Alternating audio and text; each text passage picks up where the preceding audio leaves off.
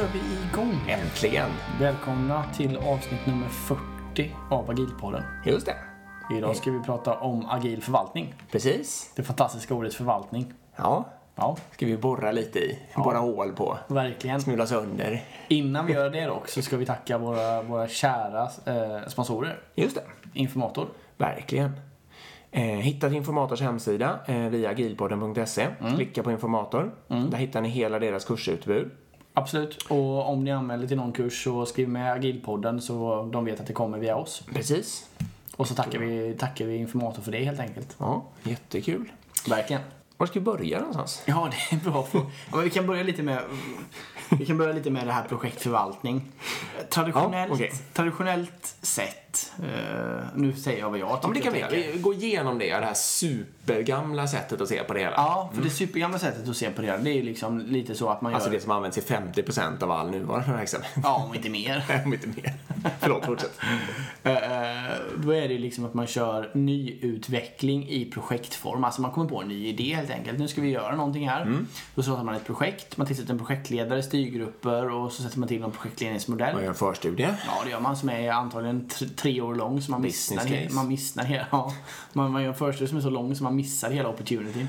Ehm, ja, och, sen, och sen är ju tanken då att man gör detta och det är där man liksom räknar in hela business caset och gör hela vinsten och så vidare. Ja. Sen, när man är klar med allt detta, då måste det här förvaltas. Just det. Och liksom i, i, alltså i, i någon superdum definition så är det ju så att detta skulle dessutom förvaltas utan att nyutvecklas. Det ska ju bara underhållas. Ja, det är klart. Ja, exakt. Det finns ju inget att hända på nej, det. och med verksamhetsbehov kan ju inte, det kan inte komma in nya behov och så, utan det är klart. Och, och dessutom har man hunnit klart med allting innan den där projektbudgeten och projekttiden. Exakt, för den, Förstås. för den sätter man ju på förhand. Alltså det, Ja, men, ja, men så är det. Precis. Och i, med den indelningen av, av någontings eh, livscykel då, eller vad man ska säga, då, då är ju ofta faktiskt den så kallade förvaltningsdelen blir ofta den ganska sympatiska delen, för då sitter man ofta med en burn rate Ja. eh, så, så man vet vad det är och man blir ofta inte efterfrågad på business case och statusrapporter i lika stor omfattning. Nej. Utan man kan jobba i lugn och ro och ha utvecklingsteam som eh, liksom får ett teama ihop sig och bli duktiga på det de håller på med. Ja, verksamheten, eller den jobbiga verksamheten har oftast tappat intresse också för det här, så Ja. de inte där längre. Nej.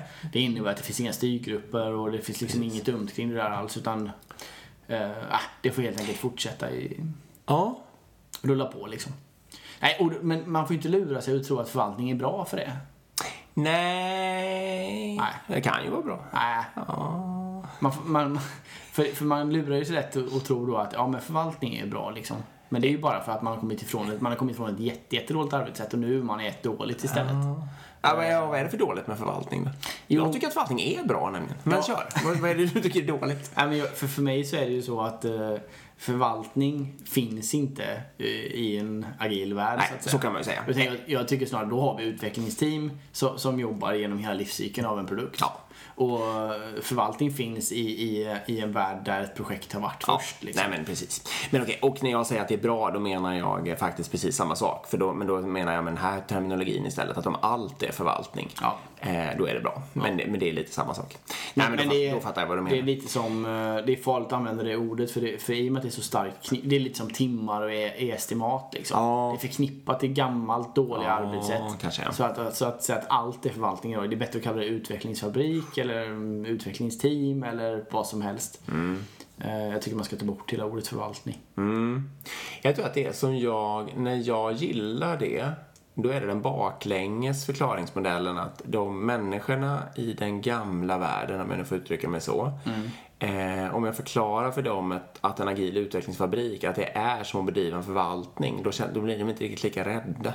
Nej, och det är ju till ju, och det är ju sant också. Exakt. Det är ju ofta, för ofta blir det ju så att det är någon verksamhetsperson som ändå hänger kvar och hjälper till och prioriterar, alltså agerar produktägare. Ja, Den här förvaltningsledaren blir ju många gånger någon form av scrum master eller Ja. coach eller och sen alltså speciellt om man då börjar tänka på att vi kanske ska man får inte fastna bara i att man har en release om året och så gör man liksom en stor planering utan man, men om man börjar göra iterativa leveranser av, av sin förvaltning då blir ju helt plötsligt det en ganska likt en agil leverans. Ehm, Och jag håller nog med dig där. De människorna, de individerna som letar upp jobb som förvaltningsledare, de är påfallande ofta har de en viss talang för att till exempel vara Scrum Master och sånt där. Det är lite likt liksom. Ja, men det är väl det. Det, ja, men precis. Men det här är ju faktiskt då en skillnad. De människorna som letar upp jobb som projektledare, nu förolämpar jag väl halva lyssnarskaran här, men vad sjutton. Eh, de är inte, i alla fall inte i lika stor omfattning, eh, lika, har lika stor talang för att agera just Scrum Master och sånt där. De har lite andra förväntningar på sin eh, karriär på något sätt som gör att det liksom inte riktigt... Ja, det, det, har, det, det är en kul spaning. Eller? Vå- Vågad, men rolig spaning. Ja, men håller du inte med? Jo, jag håller med. Eh, så det man kan säga, alltså, det man kan säga med, med roller och så vidare. Alltså, vår, eller i alla fall min, jag ska inte säga vad du tycker, men jag kan tänka mig att du tycker likadant. Det är ju liksom att man ska sätta upp ett utvecklingsteam från början, från dag ett. Eh, där man egentligen har produktägare, någon form av agil coach, om, om det behövs, och ett utvecklingsteam. Produktägare, liksom. agil coach eh, och eh, utvecklingsteam. Mm, Ja, det är det. det, är det. Och i utvecklingsteam så räknar jag att all kompetens finns. Alltså även egentligen Scrum Master, eller agil coach och test och så vidare. Exakt, Mm. kravensamling och så. Sen så finns det ju massor med smarta, smarta sätt att jobba för att ta in krav med design sprints och man kan ha massor med olika verksamhetspersoner och man kan ha eh, slutanvändare. Menar, så, men, men man ska sätta upp, om man, om man använder orden lite slarvigt här då, så ska man ju sätta upp en förvaltning från början liksom. Man, man, man, precis. Man, eller hur? Man, man ska liksom inte tänka att det finns först en projektfas och sen en förvaltningsfas Precis. utan sätt igång en förvaltning på en gång och bygg team. För om man inte det, det ska vi säga också att det är, en väldigt, det är inte konstigt att vi har så mycket teknisk skuld i våra applikationer idag. För det som händer är att de här projektteamen, i och med att de inte behöver förvalta detta sen, alltså de ska lämna ifrån detta och göra något annat, så kan de ju också skita i att sätta upp alla bra grejer som pipelines, automatiserad testning och sånt. För det tar ju bara tid från projektplanen. Speciellt då om en känns så i projektledare, alla fall. ja, och speciellt om en projektledare står och, och piskar på då va, att nu ska vi rulla ut nästa eh, grej eller vi ska, den här featuren måste komma nu. Då släpper man allt det och så där, det får vi göra i förvaltning. Och så förkastas man över i en teknisk skuld sen liksom. Och det är väl därför man eh, tycker det är bra att man måste från början tänka kortsiktigt. Hur ska vi kunna leverera fort? Hur ska vi kunna göra en snabb leverans som skapar kundvärde? Men hur ska vi också bygga en applikation som kan stå i 10-20 år? Ja, verkligen. Verkligen. Och det missar man ju i det här klassiska liksom, Nej, projektförvaltning. Håller helt med dig.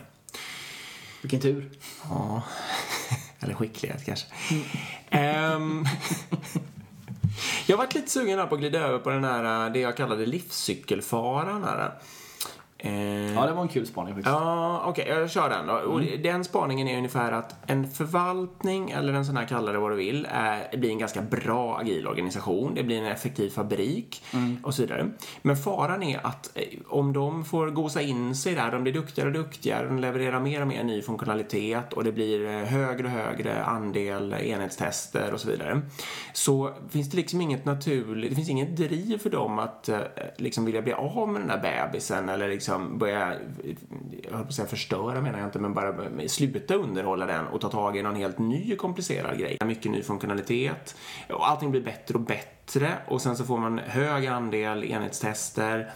Eh, det blir väldigt, väldigt moget. Och så kan man liksom hålla på sådär i all evighet och få en gammal grej som blir som oändligt bra på något sätt. En liksom helt överunderhållen eh, sak. Och faran i det är liksom att det finns ingen naturlig drivkraft för det teamet eller den organisationen att hoppa över och ta tag i nästa svåra grej där det finns ett mycket större affärsvärde eller där man skulle kunna dra in mycket mer pengar. Ehm, och det är det jag kallar för livscykelfaran då, att man måste liksom på något sätt säkerställa att man kan eh, flytta om resurserna när man liksom, någon måste på en strategisk nivå se att ah, men det här är klart. Eller liksom, det är ba, vi ska bara rätta buggar. Ja. Och det som händer är ofta att ett team som har jobbat på en produkt eh, under en väldigt lång tid är ju ofta ett väldigt effektivt och duktigt team. Och de har skitbra rutin på testning och automatisering och alltså allt det där. Liksom, de är sjukt sammansvetsade. Och då har man det, jag tror om ni tänker efter era egna organisationer här nu så är vår spaning här då att era bästa team sitter antagligen på väldigt gamla applikationer och jobbar med ganska Ja. lite businessvärde liksom. Ni- Om ni precis. skulle slå om det istället och sätta ut de där eh, gamla applikationerna på något annat istället och bara ha dem up and running och fokusera de här duktiga teamen på nyutveckling så skulle ni antagligen få liksom en Precis. Utväxling på det. Vad har man för varianter på det där nu då? Eh, ja, det finns ju några olika. Det, en, som Erik nämnde förut här, eller när vi förpratade att en sak som man faktiskt kan eh, ha nytta av är någon slags managed service eller flytta det till en eh, leverantör. Det skulle ju faktiskt kunna vara just i ett sånt här läge. Om man känner på sig att det är väldigt lätt underhållet och väldigt, väldigt moget, flytta bort det till en helt annan organisation som bara rättar incidenter och sådär. Typ så ja. Ehm, och för då, får, då blir ju teamet ledigt på riktigt för att ta tag i det nya. ja. Den andra varianten är ju, kan, kan till exempel kan vara att dela teamet. Det blir ju ofta väldigt impopulärt, eller man måste i alla fall hålla på och prata ganska mycket om det och förklara varför det behöver bli så. Liksom. Ja. Ehm, så att man åtminstone drar med sig några av de här liksom, nyttan och all kunskapen och kompetensen in i den nya utvecklingen. Eller för den delen eh, se åt teamet att helt sluta eh, utveckla men att teamet ändå ligger kvar och, och rätta buggarna. Att det får bli en liten, liten, liten del av varje sprint liksom. Inte optimalt men. Nej, det, det finns nack, alla de där har för och nackdelar. Man måste Ja. känna, känna sig fram vilken som är bäst i ens eget fall givetvis. Men det som är intressant är ju sj- själva spaningen är att ni har antagligen skitduktiga utvecklingsteam Exakt. i organisationen. Men som jobbar med gamla produkter som ni kan nyttja till annat. Eller? Det är ju själva Ja, precis. huvudspaningen. Precis. Eh, ja, och, precis. Och det är viktigt. Det blir viktigt att tänka. Det spelar ingen roll om det är liksom är traditionell eller, eller ny. Man kan hamna i den fällan i vilket fall. Liksom. Lösningen som eh, till exempel, ja, det finns en sån här managementkonsultfirma som kallar det för produktorienterad organisation. Det är ju helt enkelt att en viss funktionalitet eller grej eller liksom ett visst problem som ska lösas av IT ska ligga i en viss organisationsdel och då ska man, både att ta fram det nya eh, och att förvalta det gamla ska ligga på samma organisation helt enkelt. Det är ingen komplicerad tanke alls. Det passar ju, och, då får man ett naturligt driv då, för när det nya dyker upp så känner man till sina kunder och man känner sin produktägare och man förstår problemet och då blir man liksom naturligt nyfiken på att ta tag och lösa liksom en, ta fram en ny lösning för samma sak som man redan är bra på. Ja. Eh, och det funkar väldigt, väldigt bra så länge det liksom är lite stabilt behov. För att om man har någon mera disruptiv verksamhet, alltså när ett helt område inte längre behöver något IT-stöd om man ska flytta alla sina IT-resurser till någon ny innovation eller något sånt där, då kommer inte det funka. Men om man liksom har en, eh, om man har jobbat med ordbehandling, jag vet inte, lite dumma exempel här, men eh, så att säga, och ska fortsätta jobba med ordbehandling, alltså att utveckla ordbehandlingsprogram, eh, och man har hållit på med det många tiotals år och man vet att det kommer finnas ett fortsatt behov, det, som just det fallet med ordbehandling, då funkar det alldeles utmärkt liksom att låta samma människor göra det. Ja men det är, det är en bra tanke. Så det kan vara en lösning. Det är på en organisationsnivå då liksom. Eller hur? Precis, det är på en organisationsnivå då. Och då, löser man, då får man sen eh, helt enkelt lita på att de människorna, de smarta människorna i ens organisation eh, tar tag i det nya och då blir tvungna att göra sig av med den gamla. Liksom. Jo, men och det sitter- kommer ju troligtvis funka. Precis, man vill ju ofta frigöra resurser då till det nya också Exakt. kanske. Och då får man se till att ta det gamla helt enkelt och bara knoppa av det på något sätt. Det är en stor fördel. Och det, det är också så, en, en traditionell organisation har ju ofta projekt, alltså projektkontor och en projektorganisation. och sen har man en förvaltningsorganisation. Alltså det, då, gör man egentligen precis tvärtom mot det du säger nu Dick. Ja, Eh, Att man, alltså, man, man skapar en organisation som ska ta hand om det och en organisation som gör det nya. Och då får man ju aldrig bort de här gamla applikationerna. Man, varför då liksom? nej, för då kommer de ju vilja fortsätta. Ja, Varför ska de förvaltningarna ta bort sig själva? Exakt. Utan då gör man ju bara nya projekt hela tiden. Exakt. Och då kan man få alla möjliga idiotiska följdverkningar och det där. Då, eh, Typexempel är ju att ens duktigaste anställda medarbetare, nu kommer jag snart förolämpa konsulter tror jag, men skitsamma. Eh, Det hör till. hamnar i den så kallade förvaltningen och sen så kommer man ta in nya konsulter till, det, till nyutvecklingen och då har man med andra ord inte sina, de som har den e, liksom, vad ska man säga, inom företaget den bästa verksamhetskunskapen, Ja. de kommer man inte dra nytta av då. Det är, så jag blir upp Nej, och bara ja. jag berättar om det. Ehm, ja, Om, om ni har det så här så får ni... sluta med det. Ja, det är en stark rekommendation. Det är dags att göra något annat då. Exakt. Ja, här, var vi klara med det här hur man ska göra? Hur ska man sätta upp? Så, ah, du drog hela den, eller? Jag tror det, men det är, kanske. men det är ju bara som man ska jobba. Sätta upp ett team som, som ansvarar för allt, alltså hela livscykeln på en gång. Sen behöver det inte bli så, men de måste ha den tänk, det- alltså tänket både kortsiktigt och långsiktigt när man bygger. Sen om det kommer landa på ett annat team framöver eller man gör om det, det får man liksom, så kan det bli. Ehm, och sen använd de här rollerna som, som ni gör i ett vanligt agilt team. Då blir det bra. Och sätt inte upp styrgrupper för guds skull. Nej. Nej. Utan hopp, Styrgrupper hoppa är det. lite det- som timmar va? Ja, det är det. Det, det rimmar till projektmodell och man behöver inte ha styrgrupper. Jag lovar. Nej. Det går alldeles utmärkt. Och vi kan gå in på det någon annan gång. Eh, om, om vi ska... Exakt hur man ska göra istället och så. Men, men eh, gå inte den fällan. Det behövs inte. Nej, nog böjd att hålla med dig där. Mm. Jag kan sträcka mig så långt som till ett produktägarteam. Och jag kan sträcka mig så långt som att man kallar till någon slags eh, intressentmöten vid behov. Liksom. Mm. Eh, men det, det, det måste då vara att varje nytt sånt här möte man kallar till gör man liksom av en anledning och inte Mm. för att det är en, en serie med möten där det är möten en gång i månaden. All right. Mm. Budgetfrågan har vi också. Ja, den ska vi ta. Du laddar för den. Nej, det var något annat jag tänkte på det här med livscykel. Jo, det var en spaning, eller en idé. Jag satt och tänkte det nu, så du får dissa om du vill. Men att faktiskt ett ganska stort problem i större organisationer, det är ju det att människor tycker om, de får sina bebisar. Ja.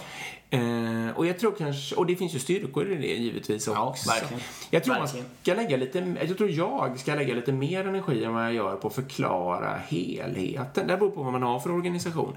Men säg att ni har en organisation med intäkter, då tror jag det är en fördel om de flesta i företaget vet om intäktsströmmarna. Alltså inte på något exakt sätt, men lite på ett ungefär. ja, men det Att har vi nog fastslagit innan att det Ja, är det. Den här produkten tjänar vi pengar på, den här går just nu med förlust och, och, och det här, här tror jag att det finns jättestor potential, vi skulle behöva ha hit fler, mer utveckling. Och det gäller väl då även i, om man inte har intäktsströmmar, att, man, ja, att människor får en naturlig känsla för business case mängden eller kalla det vad du vill då, men liksom på något sätt. Eh, och många människor vet mycket, även om det de inte själva jobbar med. Då blir, kommer det bli lättare att flytta team och människor dit de behövs. Det var det som var min poäng egentligen. Ja, nej, men det är sant. Eh, det är inte bara, absolut inte bara med förvaltning att göra, men det kan ha med just det här med livscykelfaran och sånt. Ja. Nu får du gå in på budget. Ja, ja det Ska man ha en budget? Ja, herregud. Det är No inte... Ja, för sig. eh, Ja, ja, det. Nej, jag är för en budget. Vi kanske har agil budget, det kanske är ett avsnitt i sig i och för sig, men nu, kopplar vi, nu pratar vi budget till, förvalt, kopplat Ja. till förvaltning då egentligen. Ehm, nej men, eh, man kan ju säga det, det var en rolig grej vi fick på Instagram här när vi livesände inför avsnittet också att ehm, projektet ses ju som en investering medan Mm. förvaltningen ses som en kostnad. Just det. Det är ju faktiskt en väldigt rolig, Ja. rolig syn på det. Alltså just då att den här projekt, projektinvesteringen då vi gör allting bra och nytt, det, det är ju bara bra liksom. Ja, och sen är det klart. Ja, och då på börjar, D. kost, då börjar Och kostnaden. då kastar man hela skiten över muren. Och så börjar det kosta. Exakt.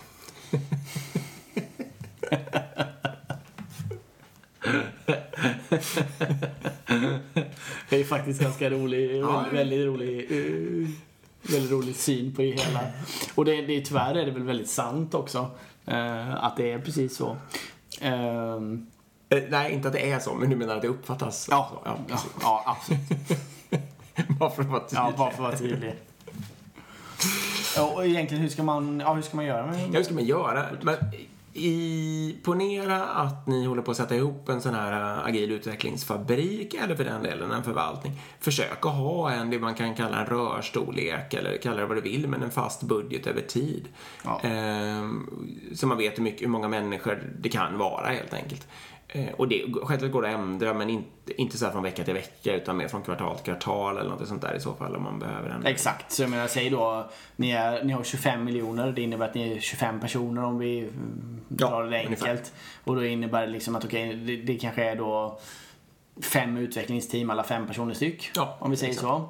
Eh, vi säger fyra utvecklingsteam för vi ska ha lite agila coacher och någon chef eller vad det kan vara. Eh, ja, och sen då så säger vi bara inför nästa år eller nästa kvartal ska vi ligga på samma kapacitet eller ska vi gå upp eller ner Ja. liksom. Och då kan man ju prata upp och ner i stycke om fem. Alltså att addera ett team eller ta bort ett team då. Sen så tror jag en viktig grej med budgetgrejen det är att vi inte, vi får inte hålla på och följa upp vad kostar förvaltningen och vad kostar nyutvecklingen? Vi får inte se, det är ingen, vi kan inte se skillnad på detta. Utan det är liksom, det är en gammalt förlegat Ja. sätt och det är bara att ta bort det. Ja. Eh, utan det är bara, istället så är det så att för i varje nyutveckling så måste vi också underhålla det vi har gjort. Alltså när vi skriver en ny funktion, nya metoder, då kanske vi ser att här måste vi def- defakturera och då gör vi det samtidigt. Vi, vi gör inte det separat, det är ingen separat aktivitet att, förhå- att, eh, att uppdatera en databas eller att Nej. skriva om någonting, refakturera någonting eller vad det nu kan vara, lägga till en ny server och sånt. Utan det är ju pågående arbete som man måste göra över tid liksom. Och det är där velocitet är väldigt bra också för velociteten räknar, om du har en velocitet varje sprint, då räknar den ju in sådana arbeten automatiskt. Mm. Det är det som är det fina. Och då kan man istället bara prata om vad har vi för velocitet, den här är den takten vi har när vi bränner saker. Och visst, någon månad så kommer det vara att äh, vi fick göra extremt mycket underhåll för vi var tvungna att uppdatera alla databaser och vi var tvungna att göra det här och det här och det här. Men då över- är det så. Ja, då är det så. Men över tid så kommer det ju liksom inte det spela någon roll utan det kommer ju slås ut. Så eh, jag tycker absolut inte man, man får inte ställa upp på det här och, och, och säga hur mycket lägger vi på förvaltning respektive hur mycket lägger vi på nyutveckling. Äh, Får jag spets? Eller jag har ju en väldigt stark åsikt om det här. Jag har ju varit med på den här resan att helt plötsligt så hette det då att vi skulle det var väldigt viktigt att ha en helt jämn förvaltningskostnad som det hette. Det, kan, det är väl i och för sig bra det, så jag säger ingenting om det.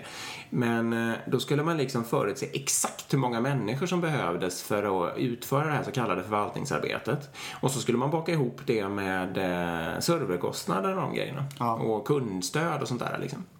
Eh, och så skulle det bli en fix månadspeng och så skulle det ut till alla verksamheter. Eh, och sen så skulle man bredvid det då ha de så kallade projekten som också är människor då. Och då när man ville flytta människor och det är ju det här som blir så fruktansvärt dumt då. När man vill flytta människor från en så kallad förvaltning in till det, ett så kallat projekt, ja, då var man ju tvungen att räkna om den där fixa månadskostnaden och hålla på och krångla med att det där skulle i och ur ett avtal. Och, och det blev helt, det blev fullständigt otransparent och jättesvårt att hålla ordning på. Istället för att man hade alla människorna liksom på ett, i en påse eller vad man nu kallar det för. Eller liksom såg dem framför sig på en tavla eller någonting. Eh, och alla de där serverkostnaderna och de, mera, de sakerna är ju på riktigt, de är ju inte, ändrar sig inte så himla mycket. Så de är ju bra att ha liksom ett sånt fix månadskostnad. Eh, Men skär det för guds skull på det sättet. Kunskapsarbetare som utför arbete, liksom, det är den ena påsen. Och den andra är hårdvara och sånt där. Ja, exakt. Inte på något annat Men sen, sen så tycker jag i och för sig att, eh, för det man eh, ofta kommer till i diskussion, i alla fall jag, det är ju om vi måste veta vad kostar det här systemet att underhålla. Mm. Och då, då tycker jag liksom att, ja, det, det kan man faktiskt prata om för då kan man säga, men vad har vi för business as usual kostnad till exempel? Mm. Alltså, säg nu att vi har, vi har tusen användare på det här systemet. Om vi skulle dra ner på nyutveckling till absolut, vi gör inga nya funktioner, men vi ska ändå underhålla det här. Mm. Alltså vi ska underhålla koden, vi kanske skriva några få ändringar, men det ska liksom vara, vi ska dra ner på det här för vi Mm. ska satsa alla pengar på ett nytt projekt. Det tycker jag är helt rimligt att ta fram. Absolut. Och säg då att man är 25 utvecklare och man är fyra utvecklingsteam, då kanske man kommer fram till att ja men hälften av den här kapaciteten, då kan vi Kan vi friställa. Ja, då, då kan vi, och för hälften får vara kvar då faktiskt.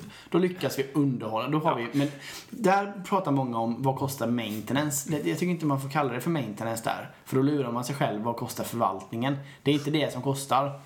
För i, i det här så ingår ju även nyutveckling och, Ja. och så vidare. Så man får snarare säga vad, vad kostar det att hålla systemet up and running? Vad Ja. kostar det att ha business as usual? För det, ska man, det kan man prata om. Men man får inte, man får inte förväxla det med förvaltning. Med. Och där går ju faktiskt, där kan jag acceptera att man gör estimat. För där, om man har en pågående verksamhet, då kan man liksom titta i gira så här. Ja, de här ärendena vi har löst, eller vad nu kör. Man får system. känsla ja. som det senaste året eller halvåret, hur många har liksom varit eh, ren nyutveckling och hur många har varit av extremt underhållande karaktär och liksom bara förbättra integrationer och Men jag, jag har gjort det där Då på... ser det liksom. Ja, och jag, gjorde- jag gjorde det där på eh, tre eller fyra applikationer nu. Och kom fram till exakt samma siffra på alla faktiskt. Ja, det? är 50-50. Ja, det är det. Ja. Det är ändå en ganska stor eh, Ja. andel som Det är, går fem, åt. det är 50% som krävs. För, det- sen är det ganska stora eh, applikationer som är utrullade globalt och har ett par tusen användare. Mm. Så det är, det är inte så liksom... Det kanske är lättare om man har typ, jag vet inte, mindre användarbas och så. Då kanske man kan frigöra mer personer, jag vet inte. Men, men, men min känsla är att det är 50-50 fördelningen Mm. mellan, mellan business as usual och nyutveckling. Mm. Inte förvaltning och nyutveckling. Gjorde jag den poängen igen. Mycket bra. Mm. Mm. Eh, ska säga någonting om teamets ansvar för ekonomin kanske? Det var någon av lyssnarna som frågade om det. Jag har en fundering där att, jag tror återigen, det, det kopplar nästan tillbaka till min spaning från alldeles nyss, men jag tror att det är en fördel om man förstår kostnadsmassan, alltså eh, de som jobbar i teamet. Ja, det är bra. De förstår hur stor andel som deras eget arbete står för och hur stor serverkostnaden och databaskostnaden, licenser och allt det där är liksom. För då får de en, då är det rim, då, liksom, sen menar inte jag att en utvecklare ska behöva hålla på och liksom oroa sig för ekonomin eller vad man ska säga. Men ha lite baskänsla för det. Det leder också till ett naturligt ansvar för livscykelkostnaden. Om man då ser liksom att man har dyra licens, eh, alltså licensierade databaser och att det står för en orimligt stor del av totalkostnaden, då kanske man blir sugen på att ta tag i det och så vidare. Liksom. Eh, Så det tror jag är en fördel. Absolut, och sen så tycker jag ju att eh, själva frågan eh, hur mycket man ska lägga på, på drift eller, och underhåll och, och teamets ansvar i det där.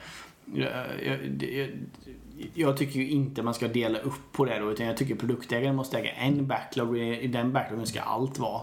även absolut. eh, även eh, IT-underhåll eller uppgradering av databas och så vidare. Ja, absolut. Och det blir ju teamets uppgift att föda produktägaren med den här informationen om inte produktägaren kan liksom. Teknisk skuld behöver ju trängas med, med features liksom, Exakt. i samma backlog. Och, absolut. och ofta har man ju kanske då ett produktägarteam där man har någon form av eh, software arkitekt eller solution arkitekt eller en arkitekt på något sätt. eh, så- Som, är, kan vara, som kan vara in, en partner till produktägaren och ingå i teamet för att just få den blandningen. En produktägare kan också vara att man, man lyssnar väldigt mycket på teamet och, och säger okej, ska vi göra den här nyutvecklingen så måste vi också göra detta. Ja, bra, då lägger vi till de storiesarna kopplat till den här liksom ut, use, um, user storyn. Eh, ja, och så vidare. Så jag tycker teamet har absolut en, en, eh, ett ansvar för det. Men eh, det, det måste ändå hanteras som en backlog. Vi kan inte ha, vi kan inte ha en underhållsbacklog, en förvaltningsbacklog och en nyutvecklingsbacklog liksom. Ja, vi testar just nu och det är någon, någon, jag vet inte om det är ett begrepp som är allmänt känt, men eh, Architecture Owner, AO. Nej, det, du har aldrig hört. Nej, det kan vara någon i min, en kreativ själ som du känner i min organisation som har hittat på det faktiskt. Och det är helt enkelt det du säger då, att man ska ha en, en parhäst till eh, produktägaren som eh, tar ansvar för arkitekturen och teknisk skuld och sådana Mm. saker. Och det, vi tänker oss inget konstigt med det liksom, utan vi tänker oss att det är eh, en, en av de seniora utvecklarna eller mjukvaruarkitekterna bara. Mm. Och helt enkelt, jag tycker i teamet. det är viktigt där att säga att den personen kan ju såklart inte ta ansvar för det.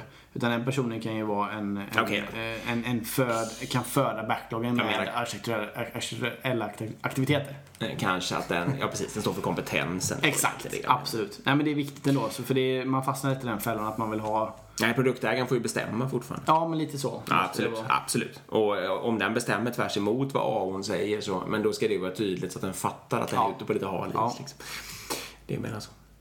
Ehm, Så, så, så, så kan man väl säga. Men det är inte enkelt, alltså det ska jag säga just eh, nej, det är det ju inte. Nej, just den här balansen mellan, mellan om vi slarvigt Teknisk säger skuld. Ja, eller drift och underhåll eller vad man ska säga. Och, eller drift och nyutveckling och så vidare. Det är en, det det är en svår fråga. Men om vi summerar budgetfrågan så kan man väl säga egentligen fix budget. Eh, dela inte upp den. Du kan räkna på, egentligen på antal personer. Således budgetmässigt också då. Vad är business as usual och vad behöver vi för de här nyutvecklingsgrejerna vi gör? Mm. Ja, bra. Ja, det är ganska bra. Tjopp, tjopp. Det ska gå att göra med papper och penna på Komma, jag kommer ihåg min första budget vi gjorde. Du var min chef för det kanske inte ni vet som lyssnar. Dick var, det är så vi lär känna varandra. Så att, du Du tänker på den här budgeten som jag gick runt med mitt block som var gjort på ett A3-blad. Ja. Ja, den var, det var ju den överlägset bästa kostnadsbudgeten som någonsin har alltså, existerat. jag gjorde alltså en budget. Det måste ju varit ändå 150 miljoner någonting.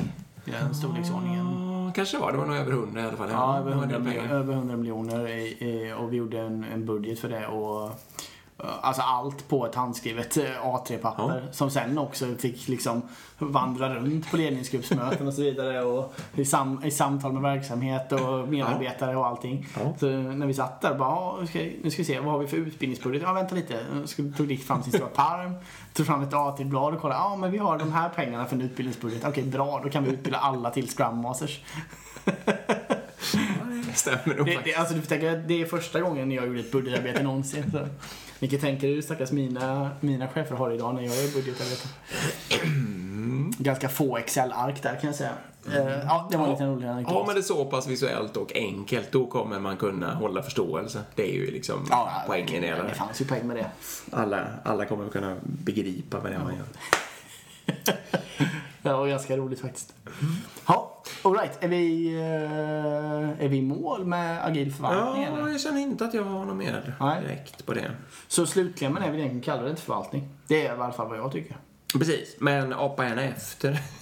Eller när ni sätter upp er agila utvecklingsfabrik. Ja, Jag apar i alla fall inte efter någon projektmetodik. tänk förvaltning men säg det inte. Exakt. Exakt. Det är slutklämmen.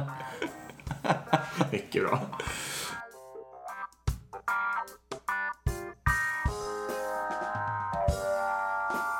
Vi har faktiskt lyssnarfråga också.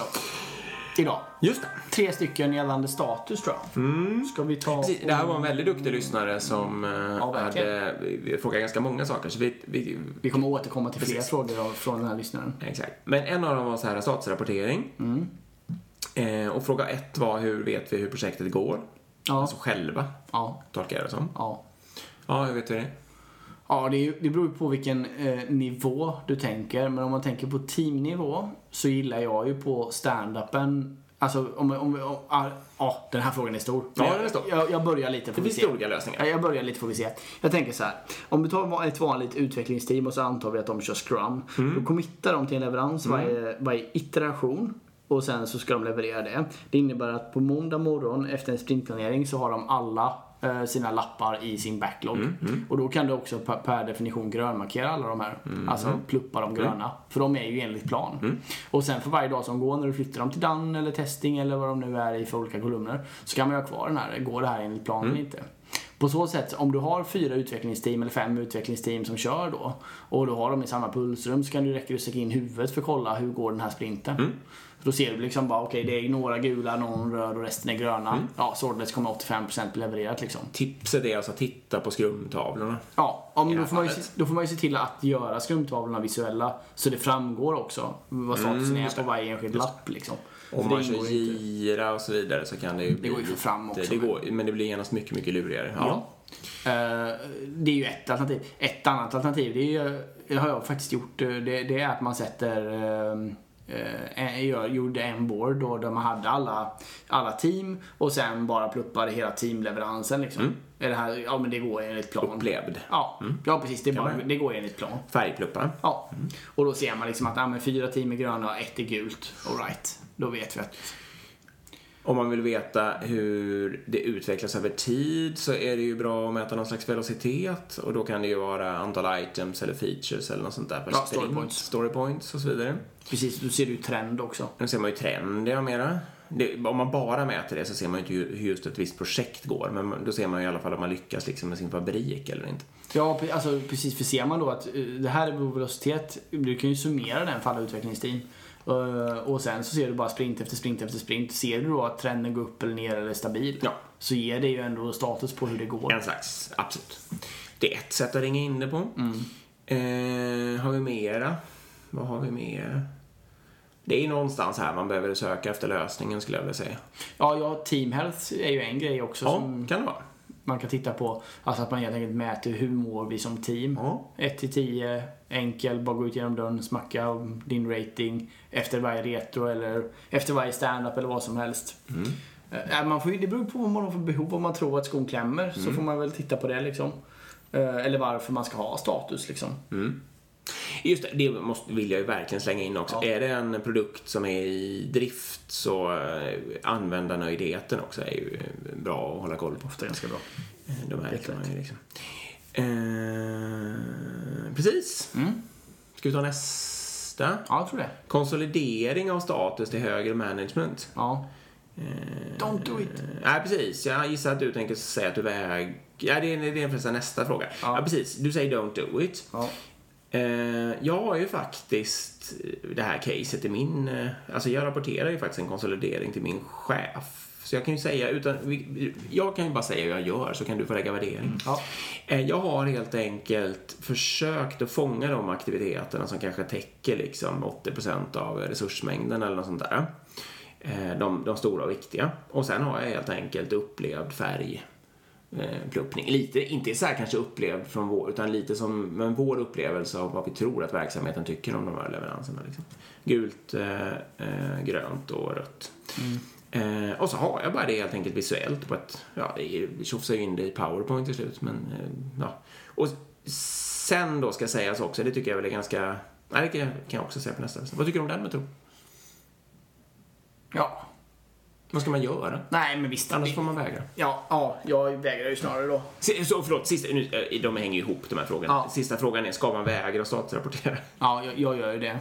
Jag, jag, jag bjuder ju istället in då till, alltså jag, jag tycker det jag tycker det blir fel att lägga tid på att göra status för en person eller för äh, fåtal personer. Och speciellt, ofta är inte den ens transparent för utvecklingsteamen och eller verksamheten. Vilket är märkligt då.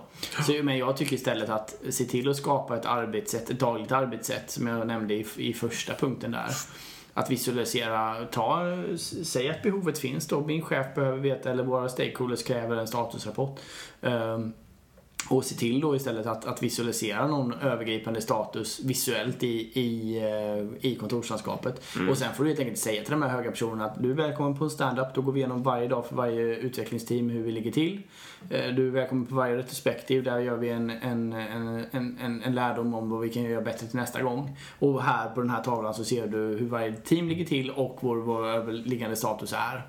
Alltså man får tvinga personen att komma till själva kontorslandskapet istället. För då blir, liksom, då blir det att vill de ha informationen då behöver de inte ringa en chef eller så utan då kan de bara hela tiden när de vill komma och få informationen. Ja. Och det gör att de ganska snabbt slutar efterfråga den.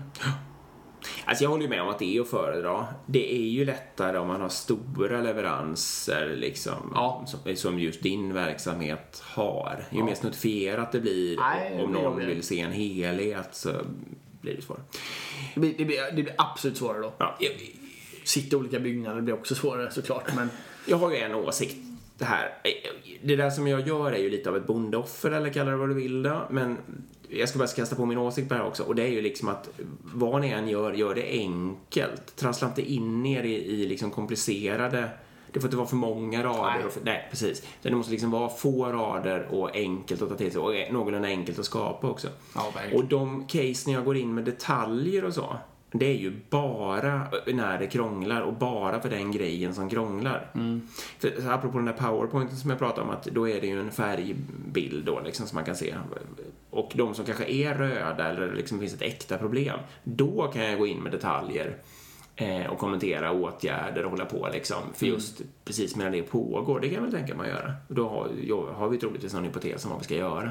Och den kan jag skriva ner i text. Och, och, inte lägga några massa med tid på det, men lite liksom.